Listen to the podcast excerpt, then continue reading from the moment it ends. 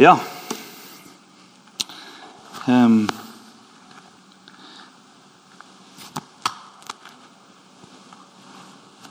Oh, sorry, altså.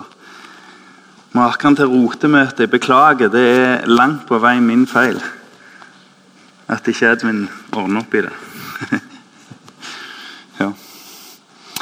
Kjempebra. Jeg har bare lyst til å si at eh, hvis noen tar og kanskje hjelper Det har kommet noen gode venner i salen, så kanskje noen kan hjelpe med, med, med, med eh, Ja. Eh, eh, Byberg, kunne ikke du ta så hjelpe de med Har de fått? Ja, ok, bra. Kjempebra. Um, dette er siste møte. Og jeg håper det kan bli et møte som eh, setter ikke bare noen tanker, men som setter ting i sving for det som ligger foran oss. Og så er vi alltid nødt til å si, når vi legger planer i Guds rike, at om Gud vil. Det må vi alltid si. For vi vet ingenting om framtida. Vet kun om øyeblikket nå.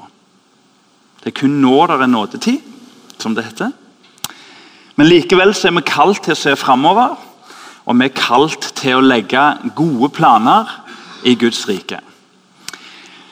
Og Her om dagen så var jeg ute på et handlesenter og er forholdsvis stort, og skulle gi pris på en, et stykke arbeid der. Og det er jo ikke mitt favorittsted. Men etter som jeg har stått der en stund, så begynner det å slå meg litt hvordan handlesenteret er bygd opp. For Nå har jeg vært på Kvadrat, jobbet litt, og hva heter det der nede i Sandnes? Eh, eh, ja, dere hører det sjøl. Ja. Eh, står helt stille, samme det. Amfivågen.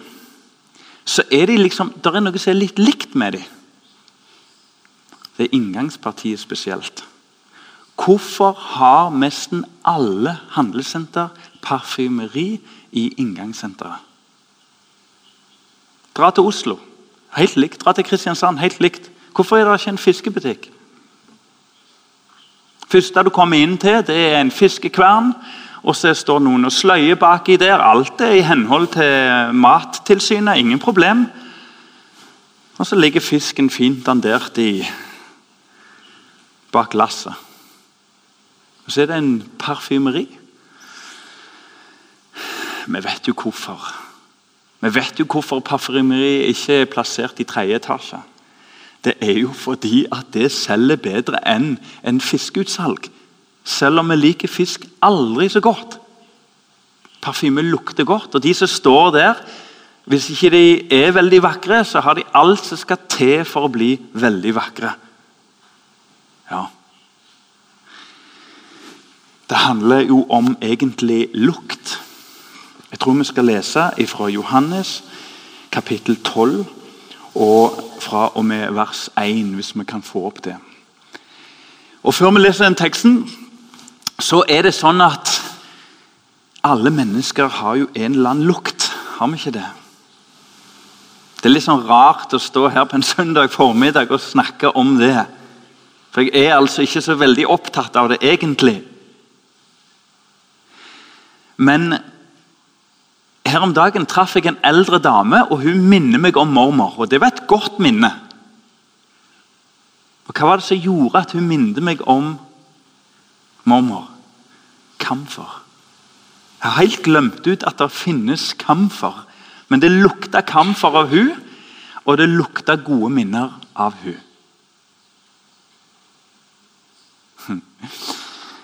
Betania bedehus.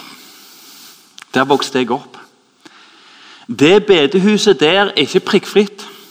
Det bedehuset der er ikke bare en eneste stor vekkelse i Tananger. Men det lukter godt for meg. Når jeg kommer inn der, så er det sanser, lukter, syner, mennesker. Disse eldre. Når jeg var på et lite onsdagsmøte, så kom bort Gilter sjå deg, Aslak. Det er mange som har sagt 'gildt å se deg' og 'hils på meg'. Men ingenting er som når de eldre i et møte kommer bort og tar deg på hodet og sier 'gildt å se deg', Aslak. For det ligger så mye mer i det. Det er så mye dypere. Det er egentlig en evighetshilsen fra eldre til en liten gutt. Og Så kom jeg til Tananger bedehus. Og så er jeg ikke naiv. Jeg tror ikke det. Det var ikke bare kjekt. Men sansene sier meg noe. Jeg har en drøm for dette huset. Bare ikke ta det opp med bedehusstyret. Nevn det ikke. Det må ikke komme ut til fokusstyret. Ingen må få vite det. Men jeg har en veldig drøm.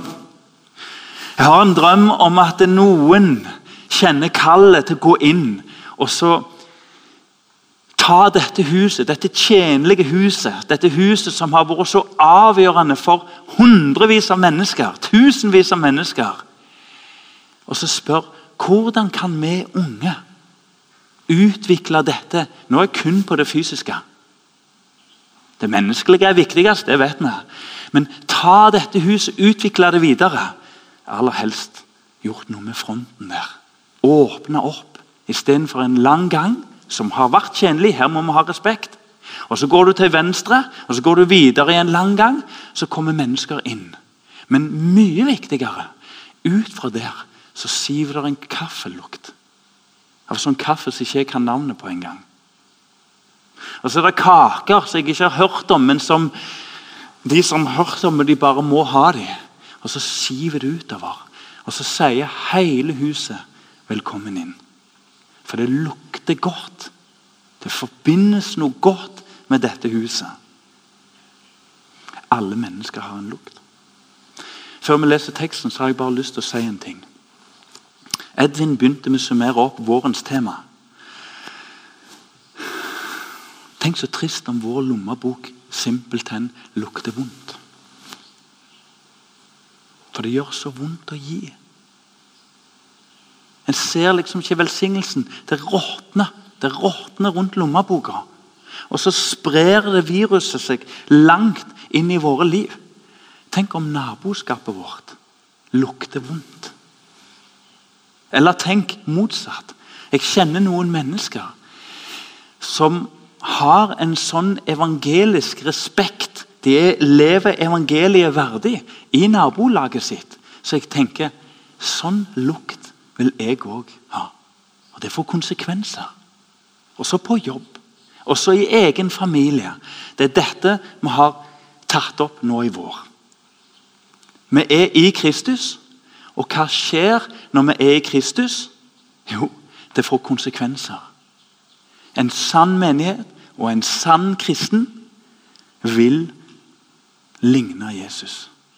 Ikke fordi det er det som gjør at vi kommer til himmelen. Nei, det er det kun Jesus som kan gi den billetten. Men fordi det lukter godt av våre liv. Sist gang jeg talte, så brukte jeg det bibelverset som sier at vi troende skal være en velduft. La oss lese om en duft i Bibelen. Seks dager før påske. Med andre ord, Det må jo bli tror jeg, fredagen, da før skjærtorsdag. Fordi at eh, vi feirer palmesøndag, men holdt jeg på å si Det var ingen selvfølge fordi at i morgen er det palmesøndag. Det skjønner vi jo. Seks dager før påske kom Jesus til Oi, oi, oi, for et navn. Anne Solfrid, du òg kjenner godt Betania bedehus i Tananger. Betania. Jeg tenker, hvis jeg skal være veldig subjektiv, at Betania er verdens flotteste ord på et gudshus. Hvis vi skulle ha en kåring. Verdens fineste ord. Der Lasarus bodde, han som Jesus hadde oppvakt fra de døde. Der holdt de et festmåltid for ham. Maken til party, altså. Martha vartet opp, og Lasarus var en av dem som Og nå står det 'satt'. I forrige kapittel lå han, så hva som har skjedd, vet ikke jeg. Satt til bords sammen med ham. Maria tok da et pund ekte, meget korsbar nardussalve og salvet Jesu føtter. Og hun tørket hans føtter med sitt hår. Og huset ble fullt hør nå, huset ble fullt av salvens duft. Hvordan ønsker vi at det skal være her, folkens? Fokus hverdagsmenighet. Det er blomster her. De preger oss. Det er liksom, kan jeg få bruke, jeg kom på det ordet, jeg syns det var så bra. Organisk. Det er noe ekte her inne. Noe som lever for en tid og gir for en tid. For øvrig aner jeg ingenting. Men det duften fylles. Da sier eh, Judas Iskarios, en av hans disipler, han som skulle komme til å forråde ham, hvorfor ble ikke denne salven solgt for 300 denarer og pengene gitt til de fattige? Men dette, men dette sa han ikke fordi de fattige lå ham på hjertet, men fordi han var en tyv. Det var han som hadde kassen, og han tok av det som ble lagt i den. Eh, tragisk, altså. Hvordan Satan får innpass i hans hjerte. Jesus sa da La henne være. Hun har gjemt den til den dagen for min gravferd. For de fattige har dere alltid hos dere, men meg har dere ikke alltid. Nå er vi samla i dag. Det bibelverset sier egentlig at det er mange personer i Guds rike. De fattige er en av dem som skal legges på våre hjerter. Men akkurat nå i dag er vi først og fremst samla om Han som er samlingens midtpunkt. Dette er Betania. Betania er jeg kan bare lese ferdig, En stor mengde av jødene fikk, ehm, fikk nå vite at han var der. Nå kom de dit. Og ikke bare pga. Jesus. Og så kommer det noe veldig flott her.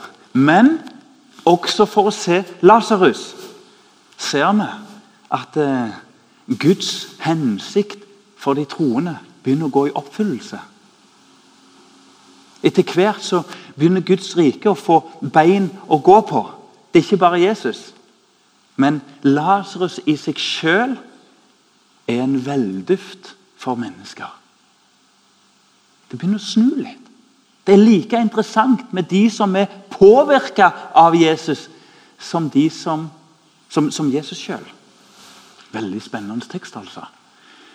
Um, som han hadde oppvakt fra de døde. Men ypperste presten da, planer om også å drepe Lasarus fordi mange av jødene gikk dit for hans skyld og trodde på Jesus. Så her får det dobbel, for, dobbel betydning. Ikke bare kom de for å se Lasarus, men Lasarus òg er et problem for rådet, ypperste prestene og det jødiske lederskap. De har virkelig lagt seg ut med en mann de trodde de kunne fjerne, og skjønte ikke at den mannen tok bolig i menneske etter menneske. De skjønte ikke at de var i ferd med å legge opp til en drapsbølge som ikke var mulig å gjennomføre til fulle. For kristendommen var ikke til å stoppe. Det begynner allerede som en smak på pinse pinsens under. At det, det tar bolig i enkeltmennesker, og Guds rike er fra nå av ikke til å stoppe. For det er jo like interessant med Lasarus som med Jesus sjøl. Ja, på sitt vis, da, selvfølgelig. Men ypperstepresten presten planer om fordi, for hans skyld, og, eh, unnskyld, fordi mange av jødene gikk dit for hans skyld og trodde på Jesus. Var det bitte litt til der? Nei, jeg tror vi var ferdige. Saken er den at Jesus er seks dager før påske egentlig nede i Jordan. Hva gjør han der? Hvorfor er han der? Rett i forkant av han drar opp til Betania. Betania ligger rett utenfor Jerusalem. Hvorfor er han der? Det ble for farlig. Det står at de la planer om å drepe Jesus i forkant av dette. Så Jesus var jo et menneske og bonden av det menneskelige. Og tiden var ikke kommet. Så han drog ned til Jordan og rett og slett gjemte seg fra de som forsøkte å drepe ham. Der fikk han fred. Det var faktisk der nede Johannes døperne var. Og Det kan virke ut som Jesus hadde behov for å være der alt begynte. Hans tjeneste begynte jo med at han ble døpt ved Jordan. Og Så drar han ned der og søker kilden og fellesskap. Men er det ikke typisk? Mann av huset. De fulgte etter han, og mange kom til tro også i Jordan. Hvor han gikk, så virka han for sin far. Vel, så skjer det noe. Lasarus blir sjuk. Nå går vi ett kapittel tilbake. Vi legger litt den der velduften som fyller hele huset og siver ut i gatene. Et hjem som tiltrekker mennesker. Vi legger det litt til sides. Lasarus er ikke død nå i kapittel 11. Men han er i ferd med å bli forferdelig syk. Og så kommer Jesus i en vanskelig situasjon. For tiden var jo ikke moden. Påsken den var tenkt fra evig tid av. Drar jeg opp til Jerusalem-området, så kan jeg bli drept. Og Disiplene visste veldig godt om det. Så venta han i to dager.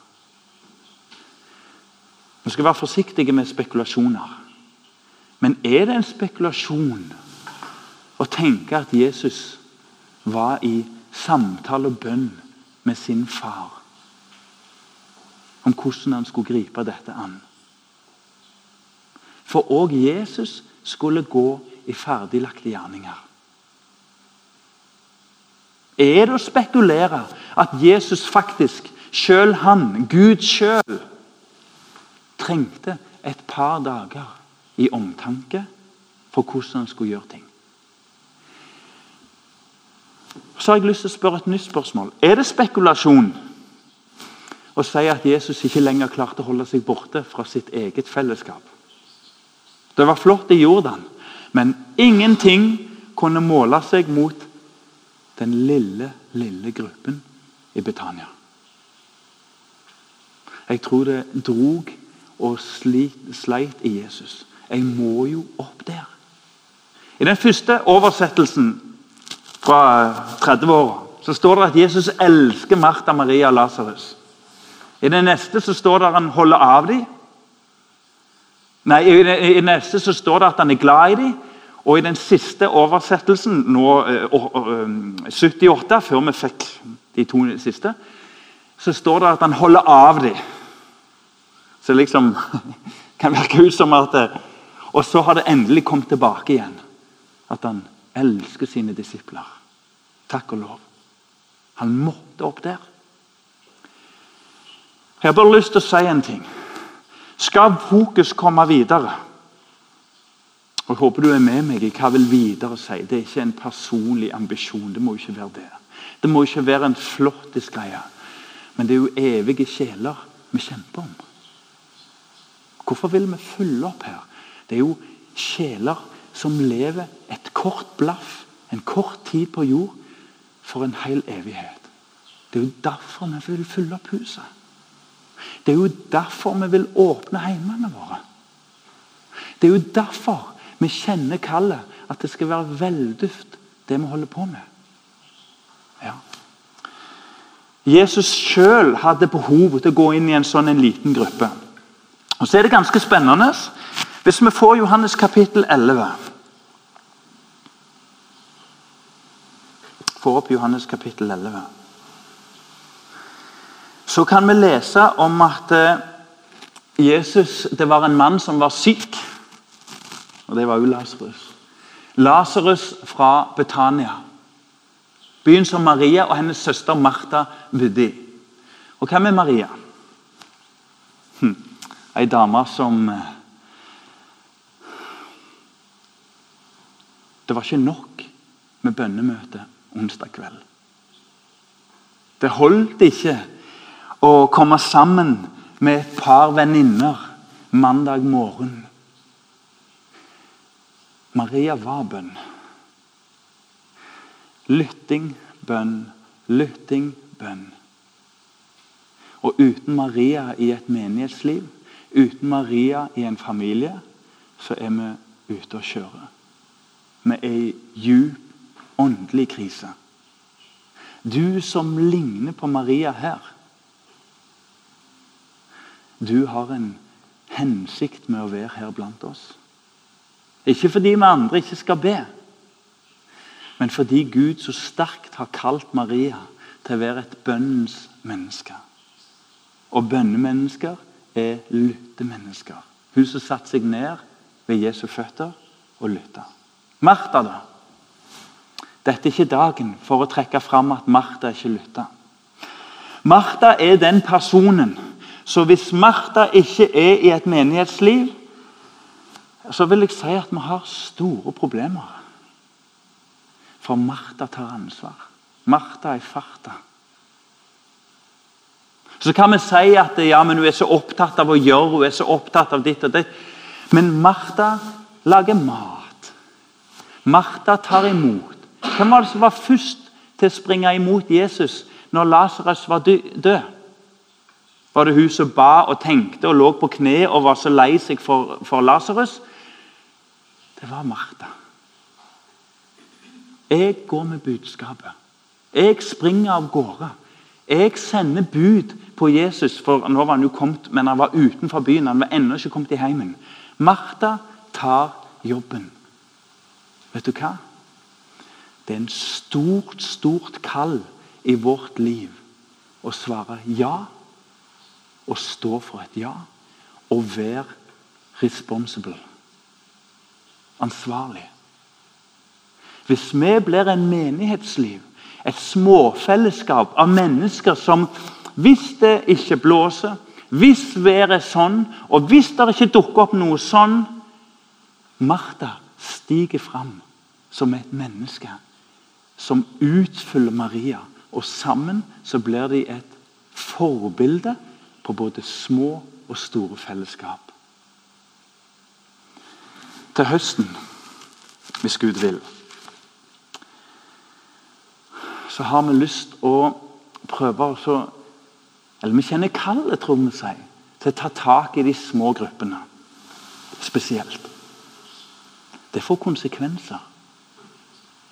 Hvis du og jeg tenker at ja, det må vi jo òg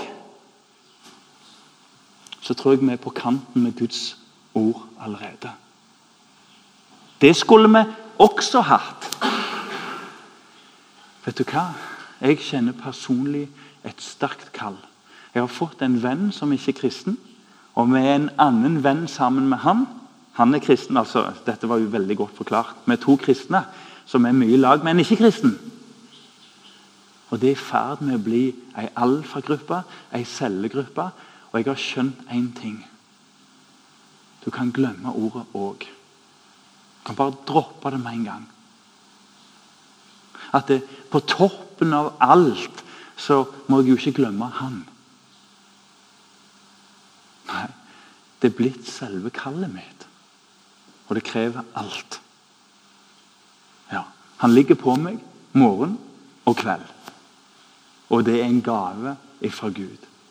Det er en glede å se utvikling. Og så er det en gave at Gud har fått planta ned et sånn ting som vokser. Og den heter smerte. For jeg ser at det begynner å haste. Jeg vet at vi kan forherde oss. Og jeg vet det er en evig kamp om sjelen skal fokus komme videre. La oss ta lærdom av dette lille fellesskapet. Så skal vi se at det skjer store ting. og Vi skal være absolutt forsiktige med å si gjør sånn og følg den regelen. og gjør sånn, Så skal dette gå seg kule. Alle cellegrupper må gjøre sånn. De må legge ned det, de må dele seg, og så må de ha sånn. Det skal ikke vi gjøre. Vi er et lekmannsfellesskap. Vi tror at Gud har utrusta deg til å finne ut av det meste her. Men det er noe spennende i teksten vår. Og det er at det kommer faktisk en del.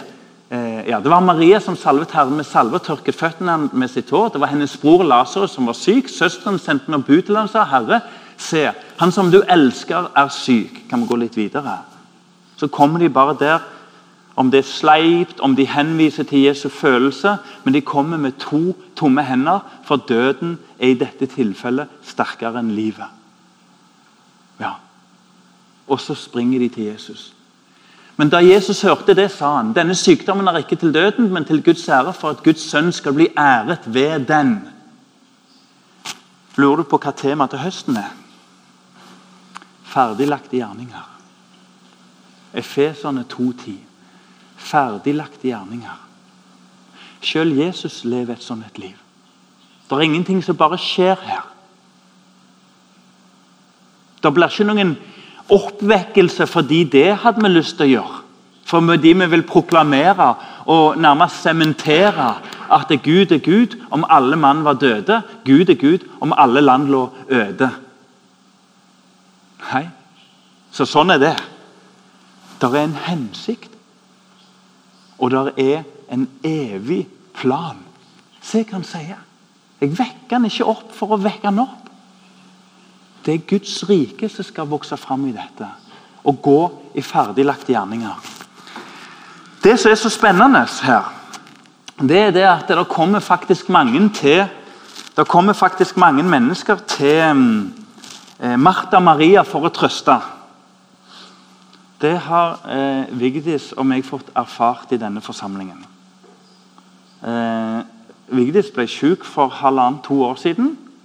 Eh, ja, drøyt halvannet år siden. Og det var ingen god sykdom. Jeg skjønte ikke helt hva det gikk i. Um, og så er jeg utkjemte. Det er det noen ganske få som vet i familielivet. Men det røynte på.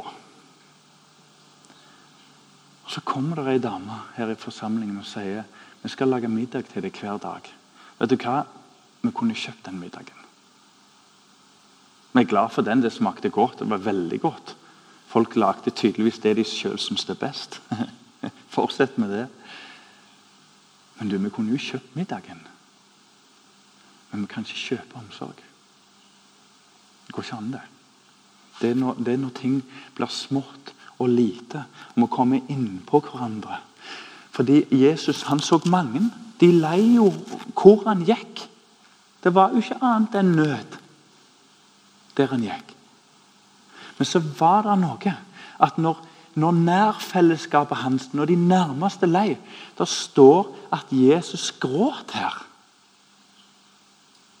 For det kommer så tett innpå han at han kan ikke se dette. her.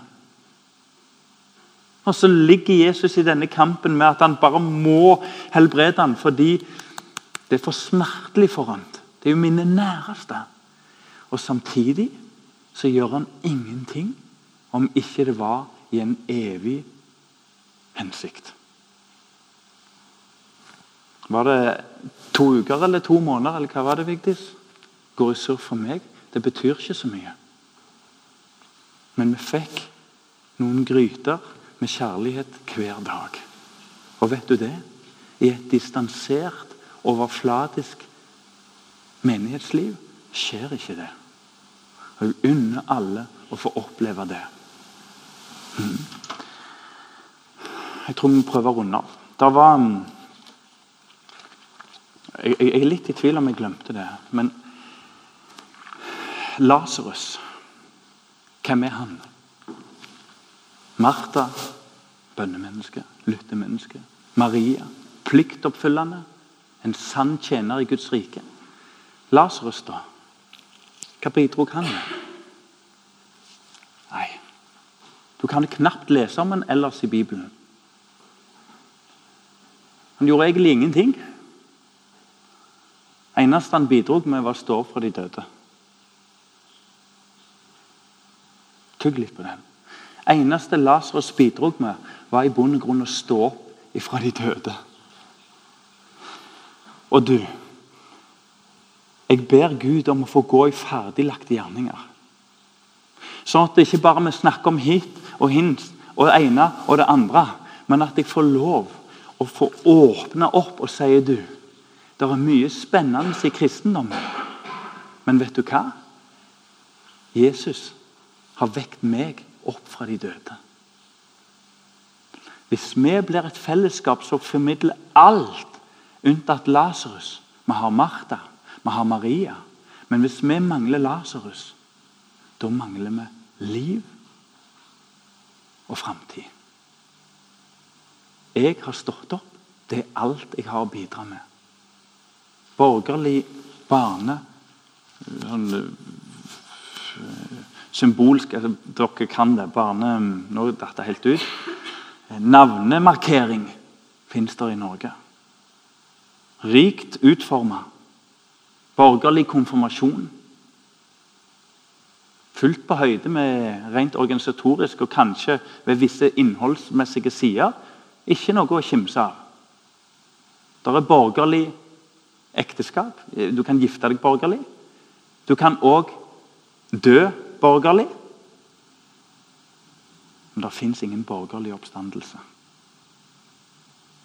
Og Det er den der kjernen der. Hvis vi kan få komme sammen i små grupper og dele denne kjernen Jeg avslutter med å fortelle en historie.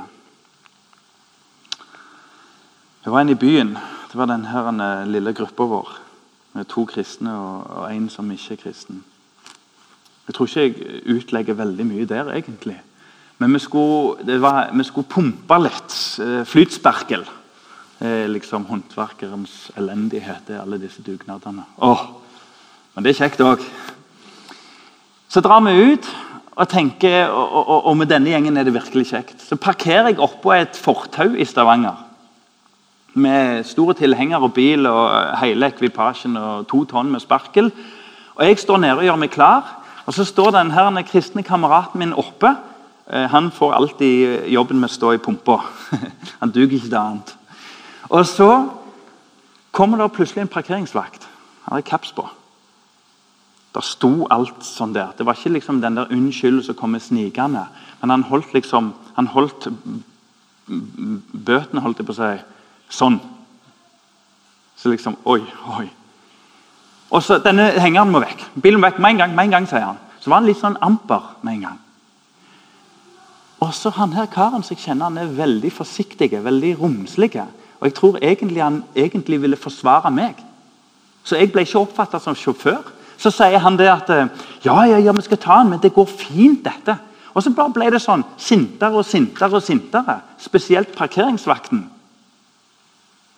Og jeg ble helt sånn Oi, hva får vi nå? Er det borttauing, eller hva ender dette med? Sånn? Midt i pumpinga.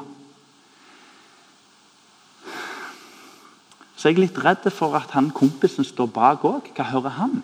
Vet du hva han gjør plutselig, han kristne? Når parkeringsvekten det roer seg litt og går, så går han bort og så tar han han på skulderen og så snur han han mot seg.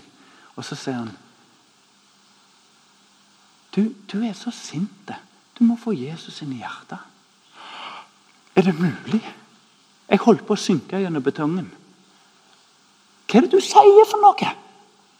Vil du ha politiet her? Du sier ikke når vi står her og har parkert vel vitende ulovlig, og så begynner du å diskutere med ham, og så kuliminerer du hele katastrofen med du må få Jesus i hjertet.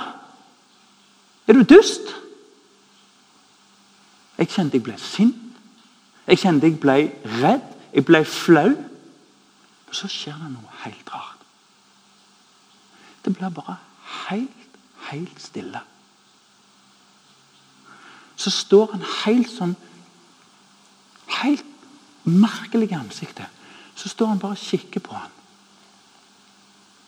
Etterpå jeg er, jeg er, fortsatt der at jeg tenker det var spinngale. Og, og, det må ikke skje flere ganger, med mindre du er 100% sikker og spør de rundt deg at dette er en god måte å gå fram på. Så sier han til meg Gud talte til meg der og da. Gå bort til ham. I går kommer det ei dame til meg og sier hun var helt fra seg. Hun var litt sånn opprørte. Nei, helt fra seg var hun ikke, hun var opprørte. Har du hørt om han som drukna? Har du hørt om han som drukna? Jeg kjenner han. For vi må anta han var drukna da. Tre ganger kom hun til meg. Eneste bidrag jeg hadde, var noe vaseprat om noen statistikker og noe tull.